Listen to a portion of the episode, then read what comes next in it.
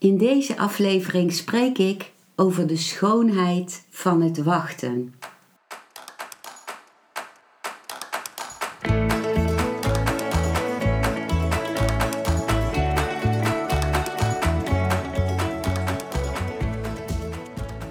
Welkom bij een nieuwe aflevering van Modita's podcast Van Pijn naar Zijn. De podcast waarin ik je meeneem voorbij de pijn in je leven naar wie je diep van binnen bent. Hoe kun je beter omgaan met je gevoelens? Hoe vind je rust in je hoofd? Wat zit er precies achter je pijn? En vooral, hoe kun je steeds meer jezelf zijn? Adem eens diep in en uit. Ik wens je veel luisterplezier.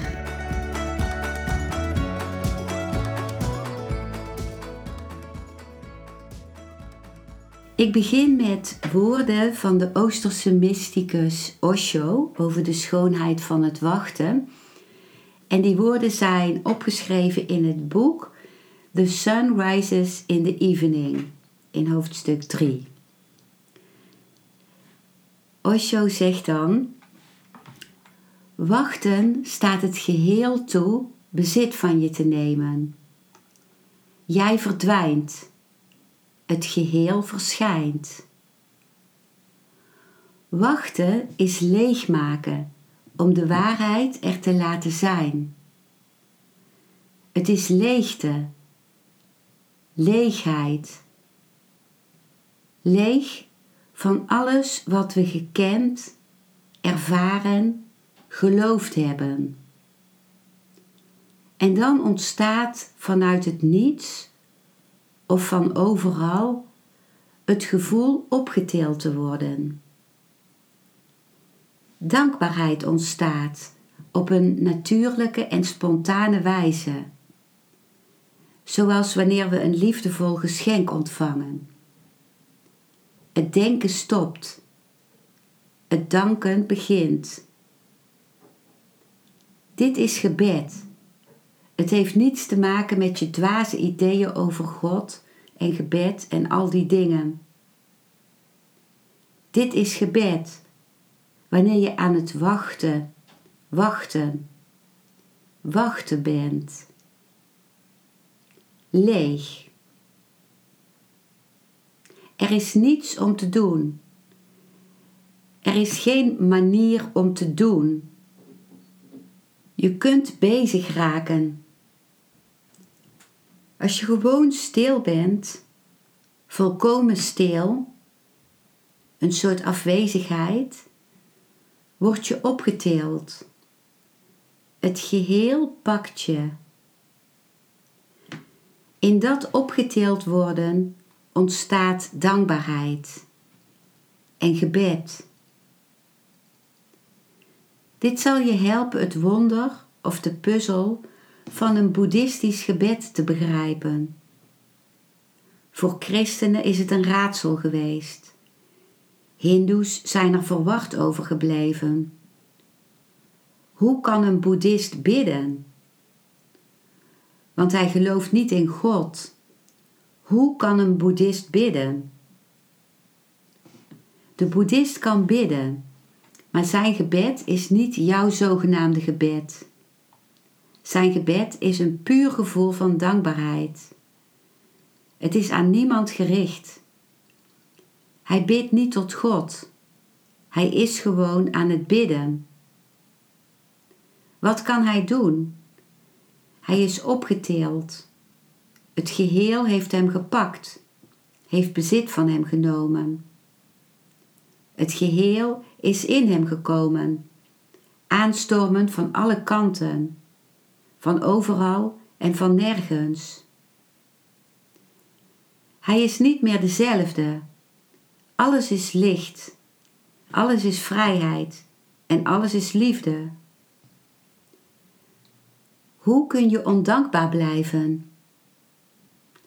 Hij buigt voor niemand in het bijzonder. Hij buigt eenvoudigweg. Zijn buigen is puur, een gebaar, niet aan iemand geadresseerd. Hij dankt God niet omdat er geen God is, maar hij dankt. Hij dankt het hele bestaan. Verlichting moet niet actief gezocht worden, niet tot stand worden gebracht, want hij is er al. Wachten is alles wat nodig is. Wachten, gewoon wachten, zonder object. Als je ergens op wacht, wacht je niet. Dan is er positief denken binnengekomen. Als je wacht tot Krishna op zijn fluit komt spelen, dan is dat niet wachten. Als je wacht tot Christus komt om je te redden, dan is dat niet wachten. Als je wacht tot ik je kom helpen, is dat niet wachten.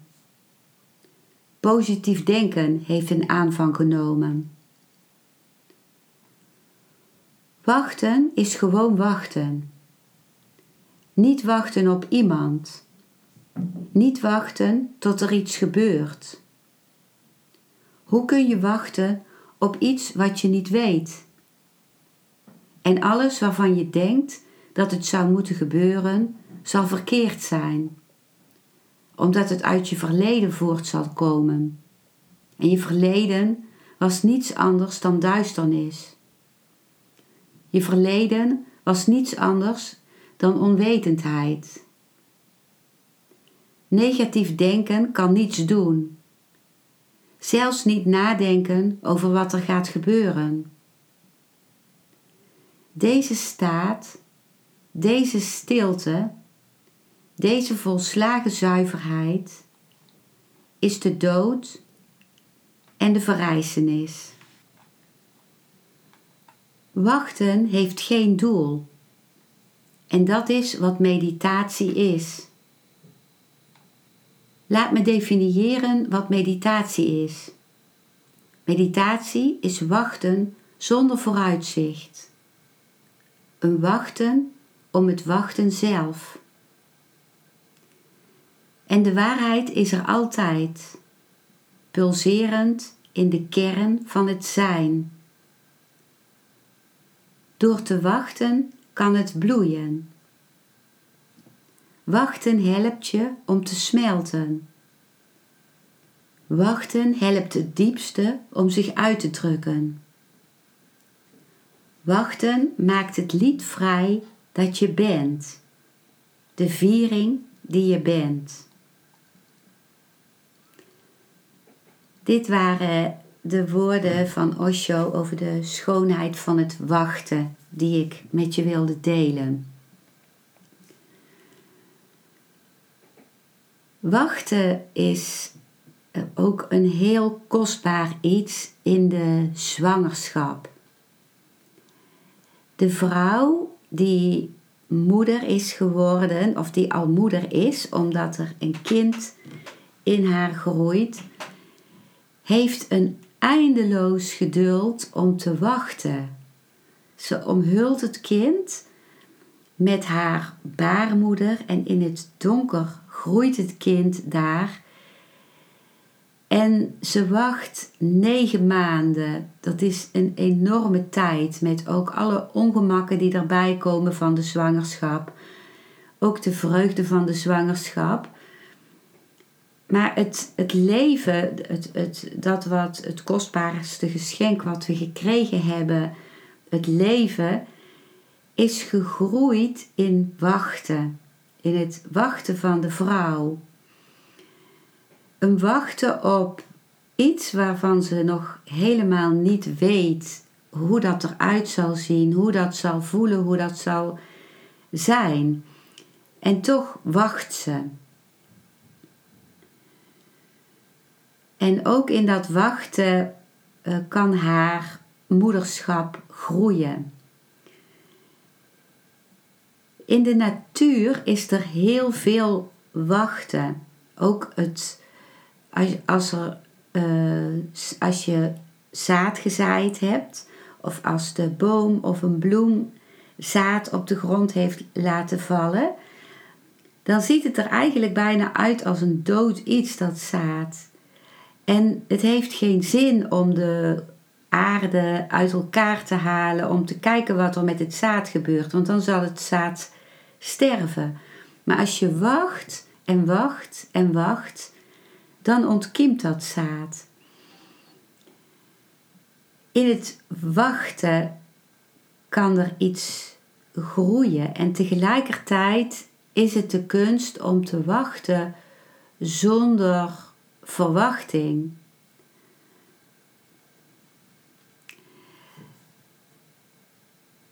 Op mijn balkon heb ik eh, elke zomer eh, zaai ik heel veel ochtendglories. Die lijken op eh, pissenbedden. Misschien is dat ook een, een familie ervan, dat denk ik wel. Maar eh, wat ik zei, dat zijn paarse en roze bloemen. Dit jaar alleen eh, paarse.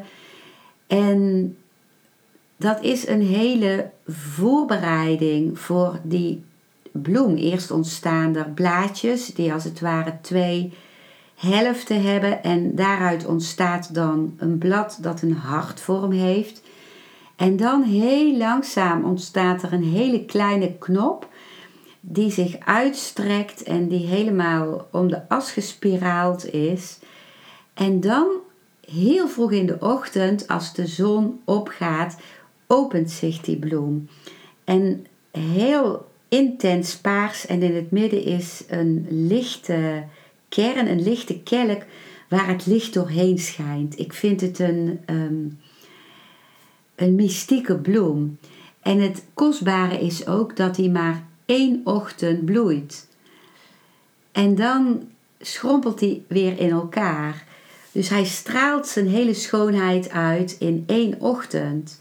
En voor die schoonheid is al dat wachten daaraan vooraf gegaan.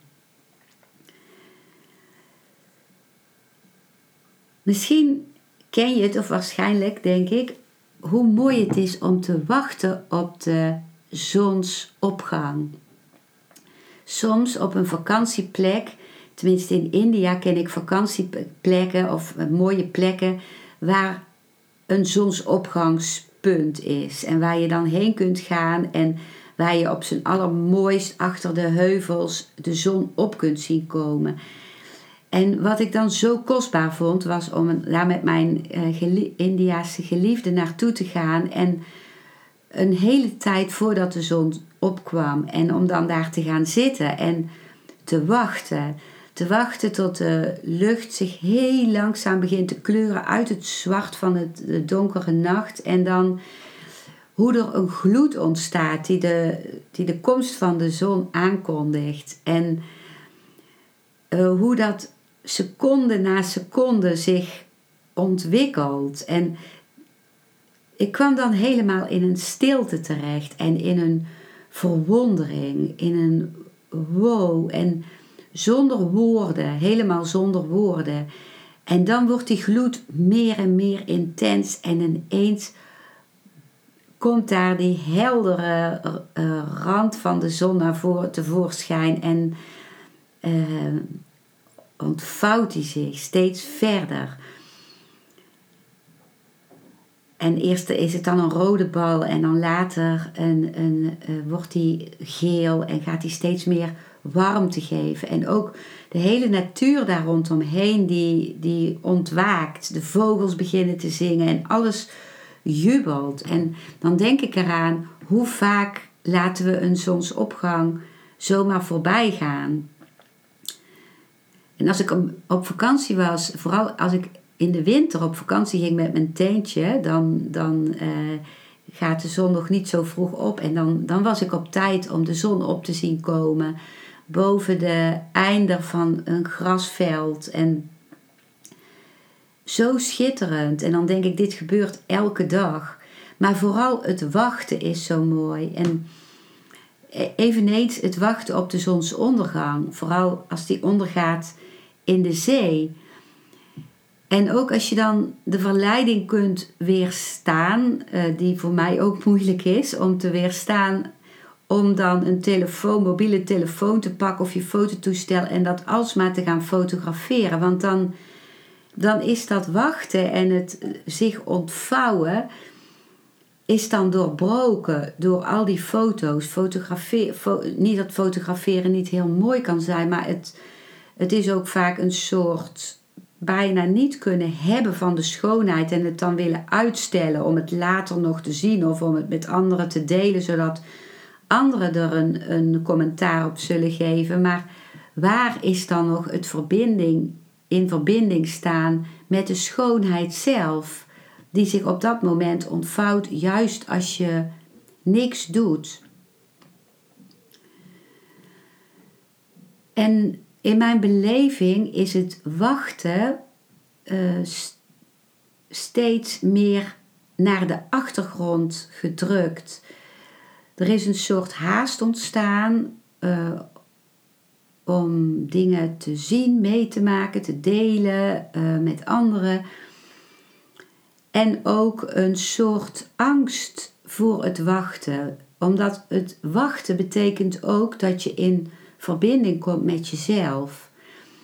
En onbewust is daar vaak angst voor. Wat ga je tegenkomen als je wacht? Wat, wat kom je tegen als, je, uh, als er even niks is?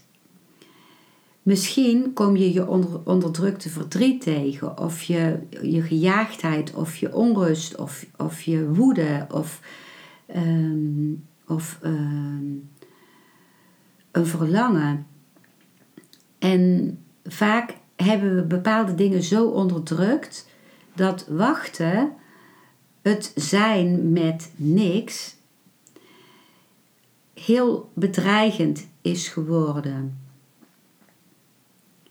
En soms is het in een vakantie, als we al na een aantal dagen waarin we eigenlijk onthaast zijn, wat meer rust hebben, komt een stuk van dat wachten weer terug. En soms helpt een vreemde omgeving daar ook bij, omdat we dan nieuwsgierig zijn. En dat nodigt eerder uit tot stilstaan, en ook op belangrijke momenten in ons leven, dan is het weer kostbaarder om te wachten. Juist als we met de essenties van het leven geconfronteerd worden. Zoals het sterven van iemand. Dan zitten we bij iemands bed en horen we de ademhaling onregelmatiger worden. Dan komen er steeds grotere pauzes tussen de ademhalingen in. Dan denk je, wanneer zou die nog een keer ademen? En dan wacht je op, komt er nog een adem? Of wanneer gaat diegene over naar een andere dimensie? En dat wachten, ik vind dat een enorme schoonheid in zich dragen. Ik ben zowel bij het sterven van mijn ouders geweest als ook bij het sterven van heel veel mensen toen ik werkte als uh, arts. Vooral ook als arts voor dementerende mensen. En ik vond het heel kostbaar om erbij te zijn uh, bij het stervensproces. Om te wachten. Te wachten op het wonder van de dood. En ook om te wachten op het wonder van de geboorte. Het gaan verschijnen van de eerste uh, glimpjes van het hoofdje van het kind, dat daar zo lang verborgen heeft gezeten en zo lang heeft gewacht tot het klaar was om geboren te worden.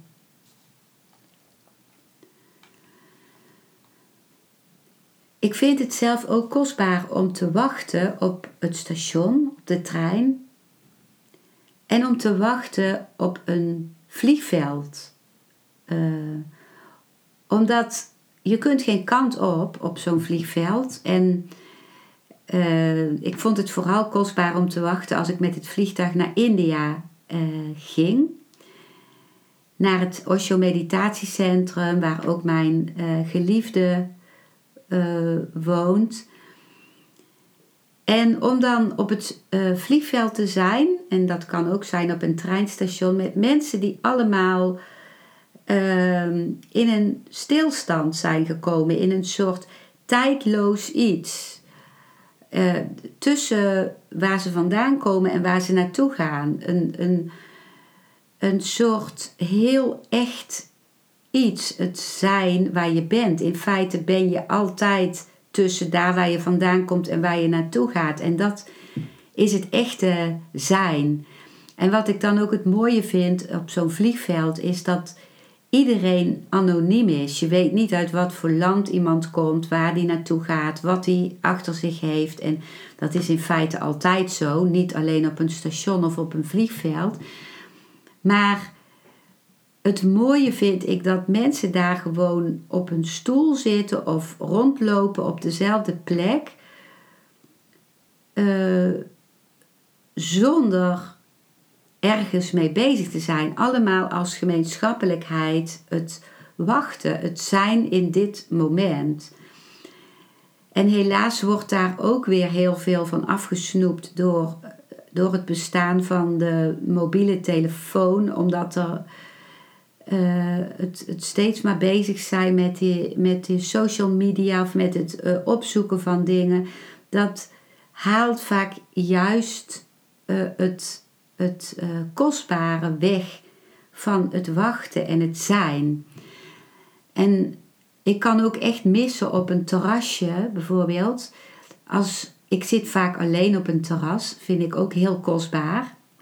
En als dan iemand anders ook alleen op het terras zit, vroeger voor de, voor de mobiele telefoon was diegene er dan. Dan voelde ik echt een verbinding met de, de mensen die op dat terras zaten, omdat iedereen daar zat te wachten op een bestelling, rond te kijken of in zichzelf gekeerd, maar daarin waren we verbonden. En nu is het dat iedereen op zijn mobiel zit te scrollen, die alleen zit. En is, er, is het zo dat die persoon eigenlijk altijd ergens anders is als waar die is. En dat is op dat terras. Die is zich niet eens bewust van dat hij op het terras zit. En ik moet zeggen, ik ben zelf ook opgezogen in die uh, redrace van rennen en uh, dingen zien en, en willen uh, interacteren met anderen. Dus als ik mijn mobiel bij me heb, soms laat ik hem ook expres gewoon thuis, maar als ik hem bij me heb, dan is de neiging soms, als er een moment komt van verveling in dat wachten, is de neiging om die mobiel te pakken. En in eerste instantie ben ik me er dan wel van bewust dat ik me alweer afsluit van de zon die daar scheen op het station waar ik zat te wachten. Dat ik niet meer zie waar ik, waar ik zit en dat ik ook niet meer in contact ben met mijzelf, met wie ik ben. Wat ik heel mooi vond, wat ik Osho ooit heb horen zeggen, is dat wachten eigenlijk is dat je wacht alsof je wacht op een geliefde. In, in uiterste alertheid, als je wacht op je geliefde, dan luister je naar elk signaal. Zijn, is er al een voetstap? Zou er een stem klinken van je geliefde? Of uh, uh, Ehm, je hele stelsel is ingericht op, ehm, is alert. En met die alertheid, als je aan het wachten bent op je geliefde, dan heb je een alertheid vanuit een liefdevol gevoel. En dan kunnen ook juist de vogels zo speciaal klinken en kun je het briesje van de wind voelen. En ehm, het is niet zo dat ik ehm, zeg van, oh je, je zou speciaal op een geliefde moeten wachten, maar het is de houding van het wachten, een, een liefdevol wachten. En ehm, in het wachten op de geliefde is een kostbaarheid van elk moment dat aan de ontmoeting van met de geliefde voorafgaat. En dat vind ik ook het uh, kostbare voor als ik op mijn geliefde wachtte, dat ik dan die wachttijd als zo kostbaar ervoor. En soms ontstond er ook wel echt een ongeduld en een irritatie als die dan te laat kwam. Dat moet ik erbij zeggen. Maar als het wachten nog was voor de afgesproken tijd, dan ervoer ik het als heel kostbaar. En omgekeerd heb ik het ook heel kostbaar ervaren als mijn geliefde op mij wachtte. In India kwam mijn uh, geliefde dan vier uur reizen vanuit uh, het meditatiecentrum in Pune naar uh, Bombay. dat heet nou Mumbai. En de eerste keer stond, of de eerste keren stond hij dan gewoon al soms een uur van tevoren al te wachten. En dan voelde ik me zo geliefd, dat was zo kostbaar. En later was dat niet meer zo. Dan was hij druk met uh, shoppen in, uh, rondom het treinstation waar hij aankwam. En daar zaten ook dingen bij die hij dan voor mij kocht.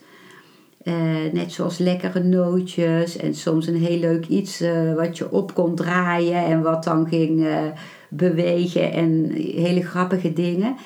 Maar het was, uh, als hij dan te laat was en ik kwam het vliegveld uit, dan voelde ik pas hoe kostbaar ik het had ervaren als hij al, al toen hij er al stond, eerdere keren. En dat hij dan echt de moe, de, uh, het geduld had gehad om wel een uur op mij te wachten in de drukte van alle mensen die daar in die menigte stonden. En dat is wel iets wat Indiase mensen veel meer hebben dan wij bij een treinstation bijvoorbeeld. Ze vinden het denk ik ook gewoon echt leuk om naar een treinstation te gaan, maar mensen komen gewoon soms al uren van tevoren op dat station en wachten daar. En helemaal niet met die gejaagdheid die wij vaak hebben, ook al verandert het oosten nu natuurlijk ook langzamer in een gejaagdere maatschappij. Maar zij hebben wel echt dat wachten. Gewoon heen en weer lopen en zitten en wat praten met elkaar. En echt wachten. En dat is ook wat het zo kostbaar maakt om in India te zijn. Dat je gewoon mensen ziet die aan het wachten zijn, die gewoon ergens zitten. En als ik soms kwam en dan vroeg ik van, uh, oh weet je, weet je, jullie een kamer voor mij? En dan zeiden ze, sit down, just sit down. Ga even zitten en wil je een chai, wil je een thee drinken? En als we dan anderhalf uur met elkaar gepraat hadden en ik helemaal tot rust was gekomen, dan gingen ze pas in op die kamer uh, die ik zocht. En zo kon je ook gewoon een zakenman in een, in een, een net pak zien zitten langs de kant van de weg, gewoon op een muurtje. En die was dan een paar yoga-oefeningen aan het doen met zijn benen. En dat geeft zo'n rust. Het feit dat iemand gewoon ergens zit, zit te kijken. En heel vaak als ik aan het wandelen ben en iemand zit op een bankje en die lijkt daar gewoon te zijn, te zitten en te zijn, dan voel ik me meteen ook verbonden en dan voel ik ook dat als een soort meditatie. Dan ben ik opgetogen als dat ook echt zo is. En heel vaak is er dan ook de teleurstelling dat ik zie dat iemand juist zo stil zit omdat hij op een mobiel zit te scrollen. En dan verandert het hele gevoel en de hele atmosfeer.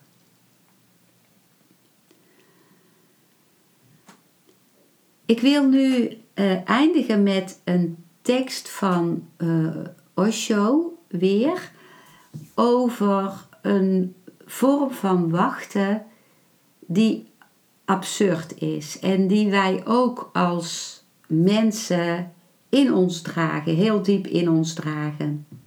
Het is een lange tekst, maar ik vind hem zo kostbaar dat ik hem heb uh, vertaald in het Nederlands en ik ga hem nou voorlezen. En het heet uh, Wachten op Godot. En het, komt, het staat uh, opgeschreven in het boek The True Sage in het eerste hoofdstuk. Dus hier komen de woorden van Osho. Ik zou willen beginnen met het prachtige toneelstuk Waiting for Godot, Wachten op Godot, van Samuel Beckett. Het toneelstuk is absurd, zo absurd als het leven is.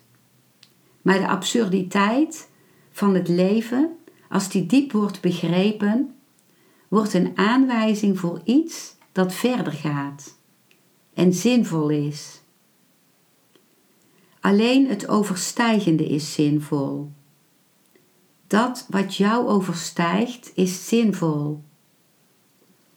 Dat wat voorbij de mind gaat is zinvol.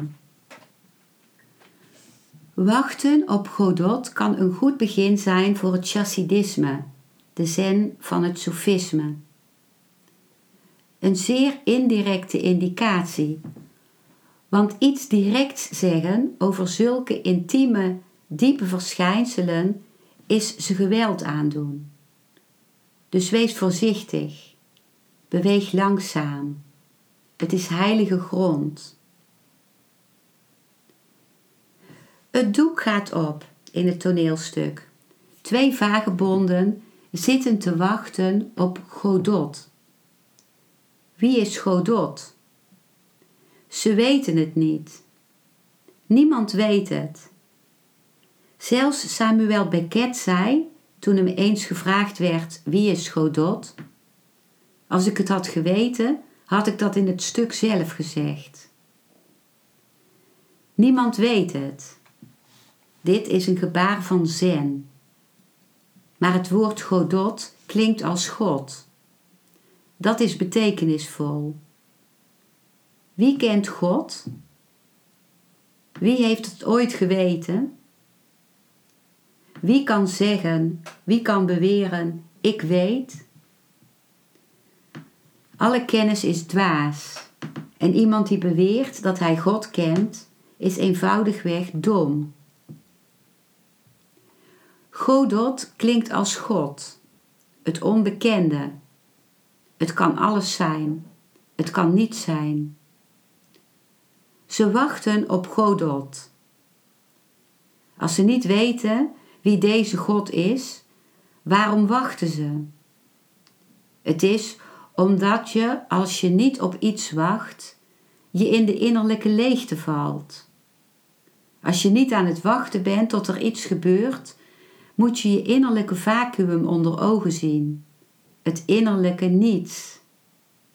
Het is angstaanjagend. Het is als de dood. Om het te vermijden, om eraan te ontsnappen, projecteert iemand een droom in de toekomst. Zo wordt toekomstige tijd gecreëerd. Toekomst is geen onderdeel van tijd. Het maakt geen deel uit van de mind. De tijd is altijd het heden.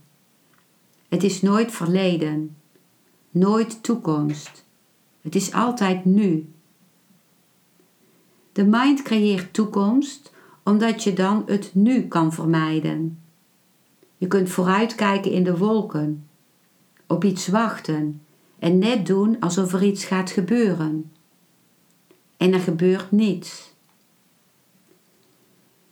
Een van de meest fundamentele waarheden over het menselijk leven is dat er nooit iets gebeurt.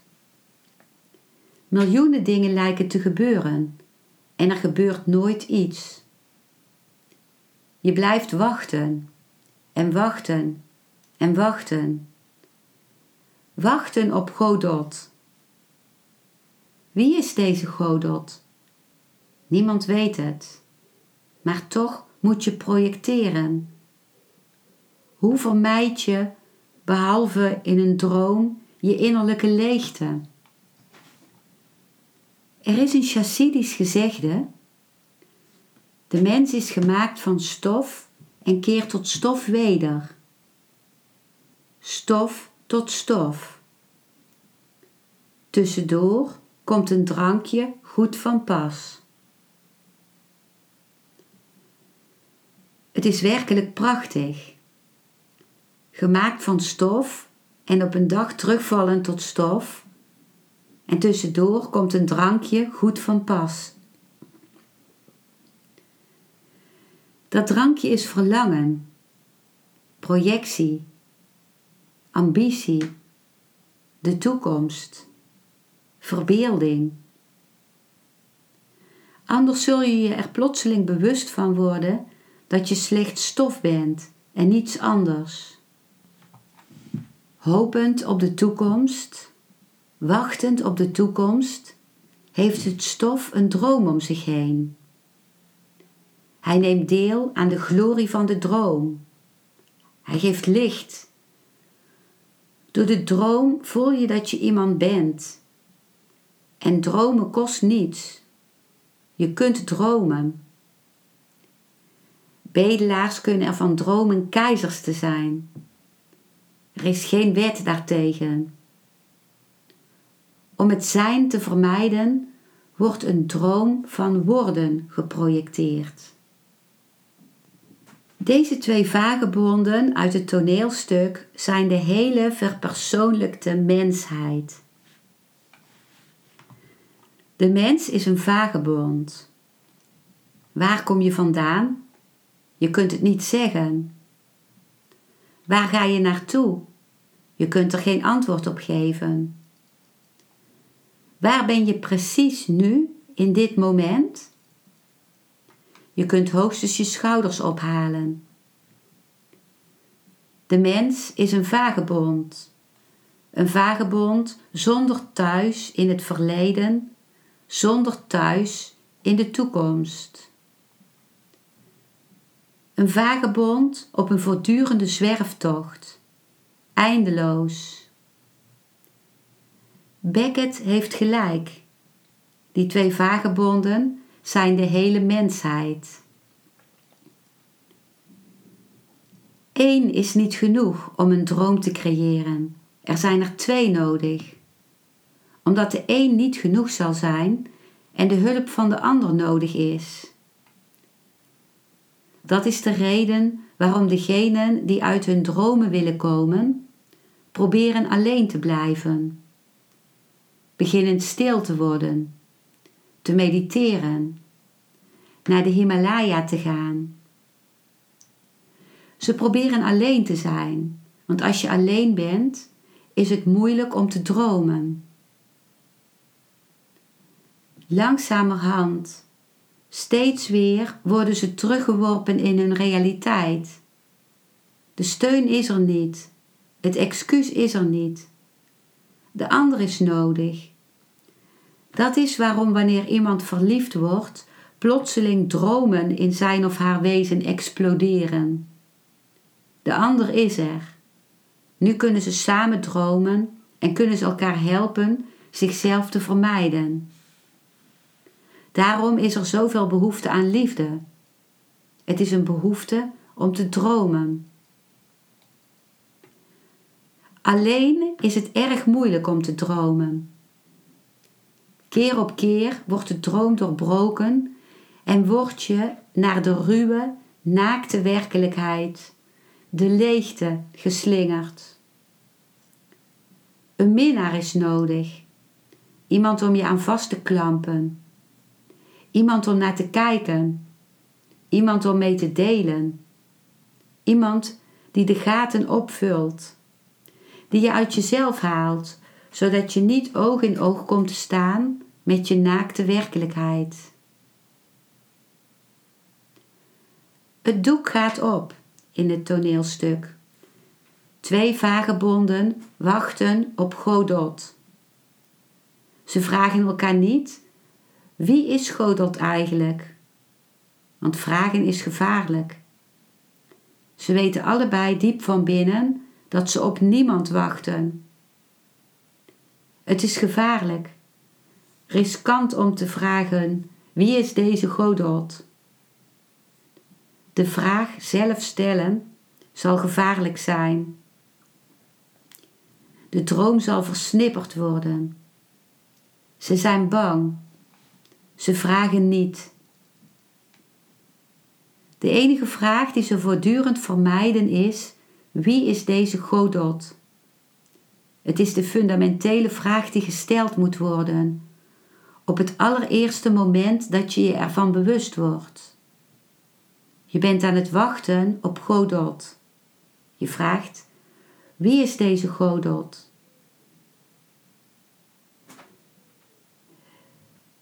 Ze zijn er overgevoelig voor. Ze praten over heel veel andere dingen. Ze vragen: Wanneer komt hij? Weet je zeker dat hij deze keer zijn belofte zal houden?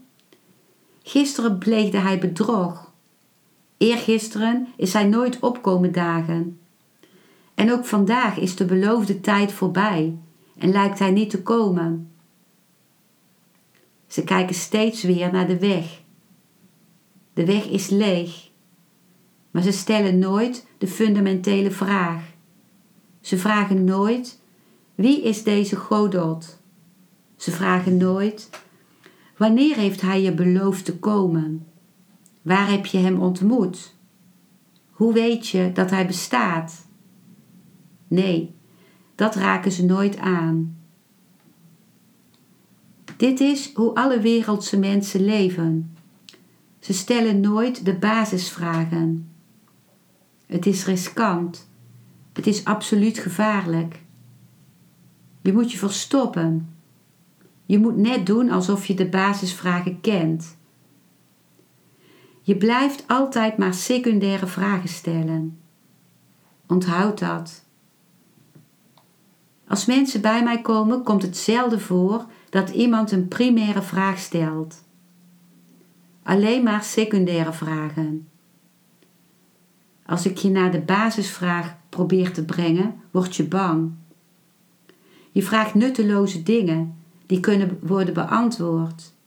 Maar zelfs als ze beantwoord worden, zul je er niets mee winnen, omdat deze vragen niet bazaal zijn. Het is alsof je huis in brand staat en je vraagt: wie heeft deze bomen geplant? De vraag lijkt misschien relevant en kan worden beantwoord. Maar wat zal het resultaat zijn? Als het huis in brand staat, moet je iets doen en naar het fundamentele vragen. Maar de vagebonden vragen er nooit naar.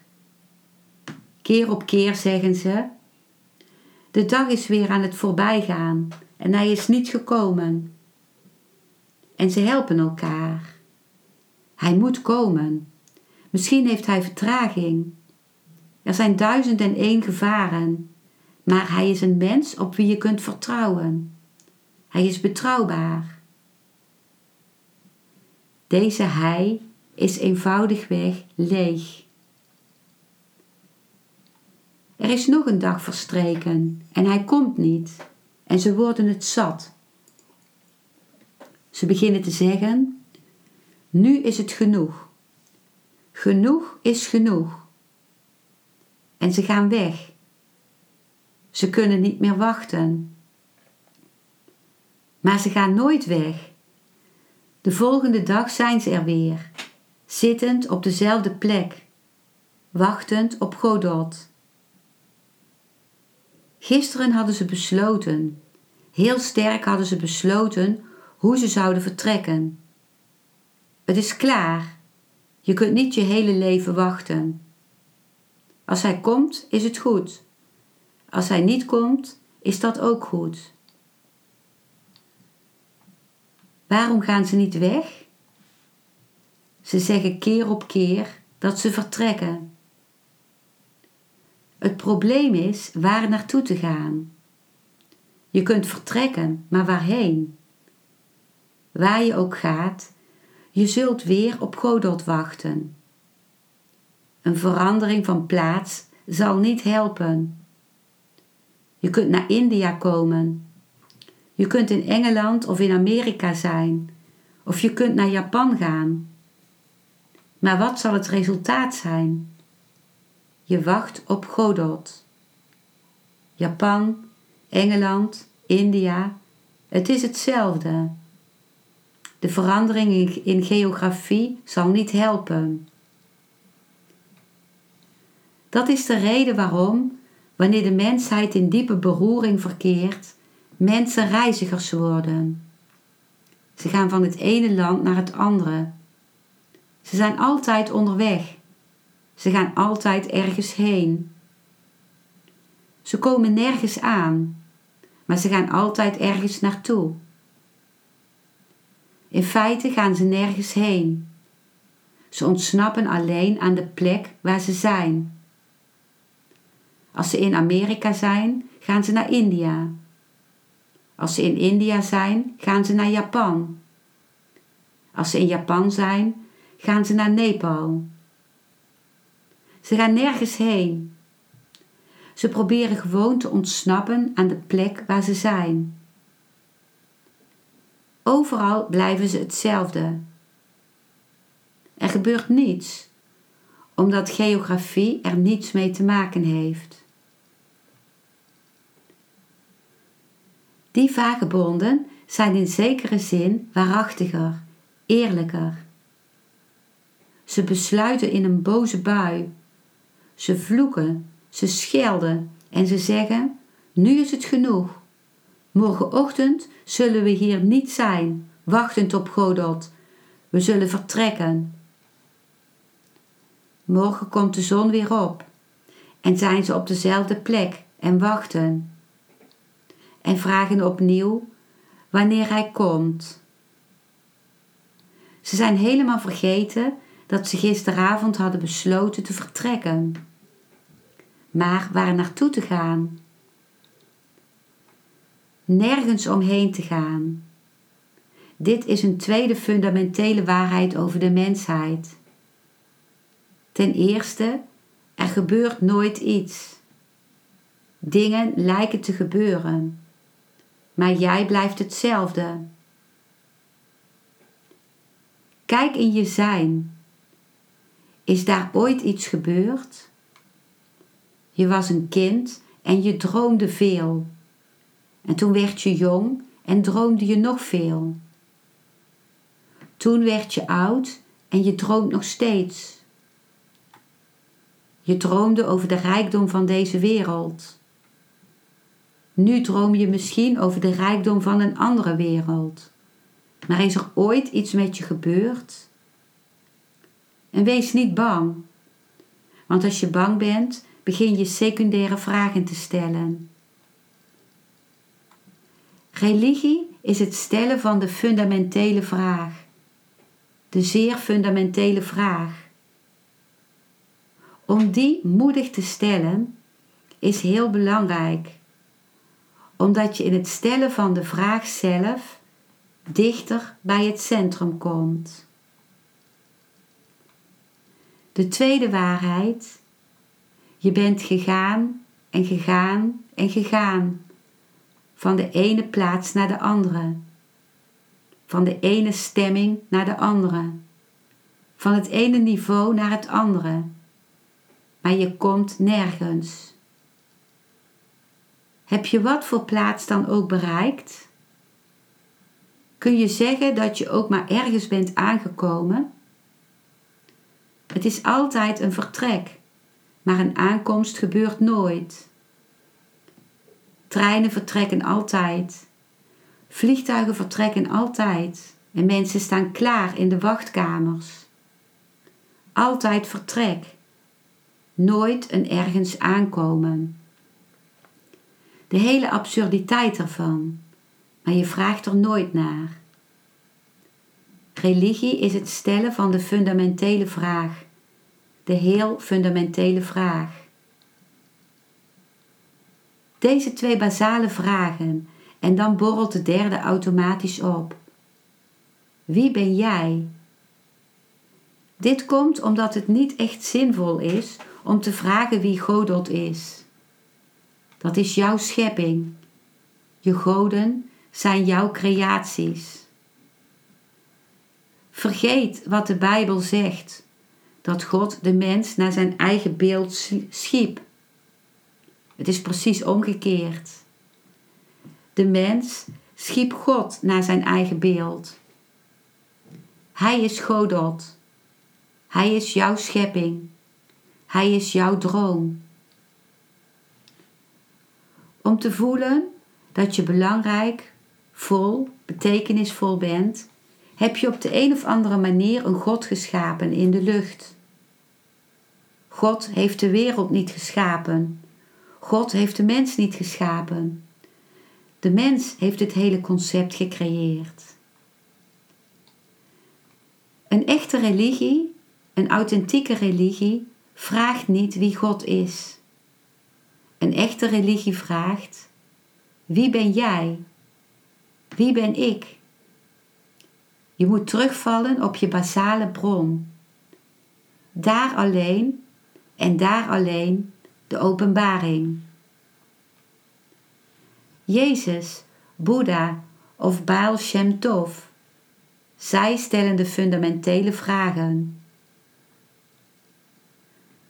Het tweede dat je moet begrijpen over fundamentele vragen is dat fundamentele vragen geen antwoorden hebben. De vraag zelf is het antwoord. Als je het authentiek vraagt, wordt het al door het vragen zelf beantwoord. Het is niet zo dat je vraagt: wie ben ik? Wie ben ik? Wie ben ik?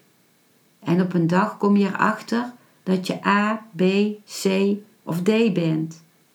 Nee, je leert A, B, C of D nooit kennen. Geleidelijk aan gaat het, hoe meer je het vraagt, steeds dieper. Op een dag verdwijnt plotseling de vraag. Je staat oog in oog met je eigen zijn. Je bent open voor je zijn. De vraag is verdwenen en er is geen antwoord. Neem het als criterium. Als een vraag beantwoord kan worden, is die niet fundamenteel. Als door hem te stellen een vraag verdwijnt, is die van fundamenteel belang. En in het verdwijnen zelf ben je aangekomen. Voor het eerst gebeurt er iets. Voor het eerst ben je niet meer dezelfde. Godot is niet gekomen, maar het wachten verdwijnt. Je wacht niet, je bent aangekomen. Eenmaal aangekomen is de kwaliteit van je zijn totaal anders. Dan kun je vieren. Hoe kun je vieren als je niet aangekomen bent? Je bent bedroefd, ellendig. Hoe kun je dansen als het doel heel ver weg is? Zo ver weg dat er geen mogelijkheid lijkt te zijn dat je het ooit zult bereiken. Hoe kun je gelukkig zijn? Hoe kun je genieten? Hoe kan vreugde je overkomen? Je bent nog steeds op weg. Het zaad is nog steeds een zaadje en de bloem is ver weg. Nee, het is niet mogelijk. Wanneer het zaad de bloem wordt, is er vreugde, is er verrukking. Als je eenmaal begrijpt wie je bent, als je eenmaal diep in je leegte gaat en niet bang bent, als je eenmaal de innerlijke dood accepteert en niet probeert te ontsnappen door dromen en projecties, als je eenmaal accepteert dat je stof bent tot aan stof en dat er tussen deze twee gebeurtenissen niets is, een diepe leegte, dan ben je aangekomen bij wat Boeddha nirvana noemt.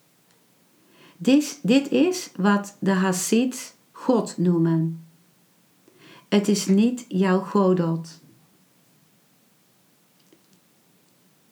Dit waren de woorden van Osho.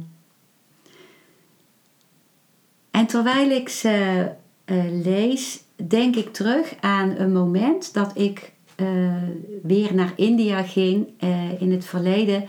En dat ik ergens op een vliegveld was, op een tussenstop op het vliegveld.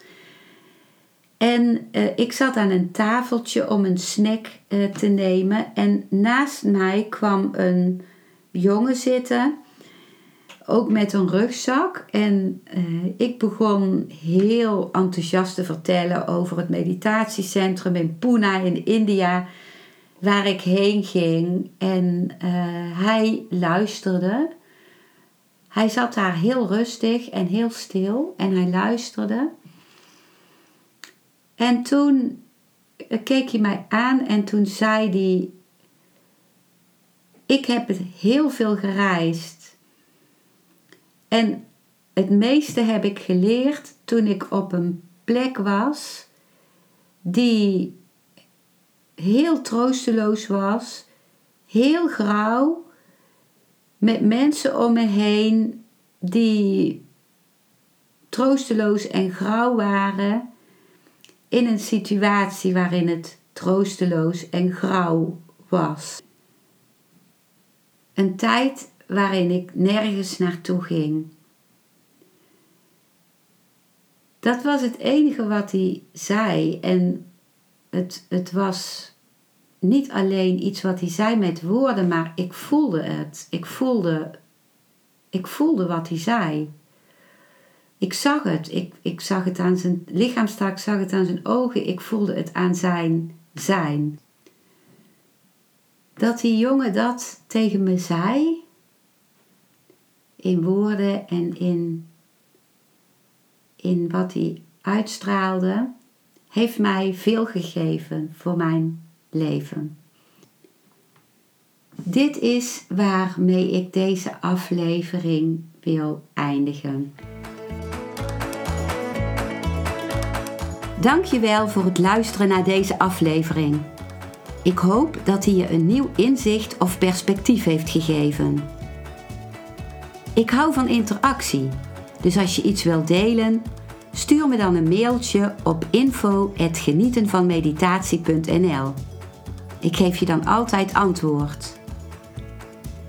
Ik wens jou dat je vreugde in het dagelijks leven zult ervaren en innerlijke rust en dat je steeds meer je pijn zult kunnen omvormen in zijn. Je kunt de afleveringen van deze podcast volgen via Spotify, Google Podcast, Apple Podcast en Podbean door op de volg- of abonneerknop te klikken. Als je luistert via de Apple Podcast, dat kan alleen als je een iPhone hebt, heb je een extra voordeel omdat als je op de knop abonneren klikt, je steeds een berichtje op je mobiele telefoon ontvangt als er weer een volgende aflevering van mijn podcast verschijnt. Je bent van harte welkom bij die volgende aflevering.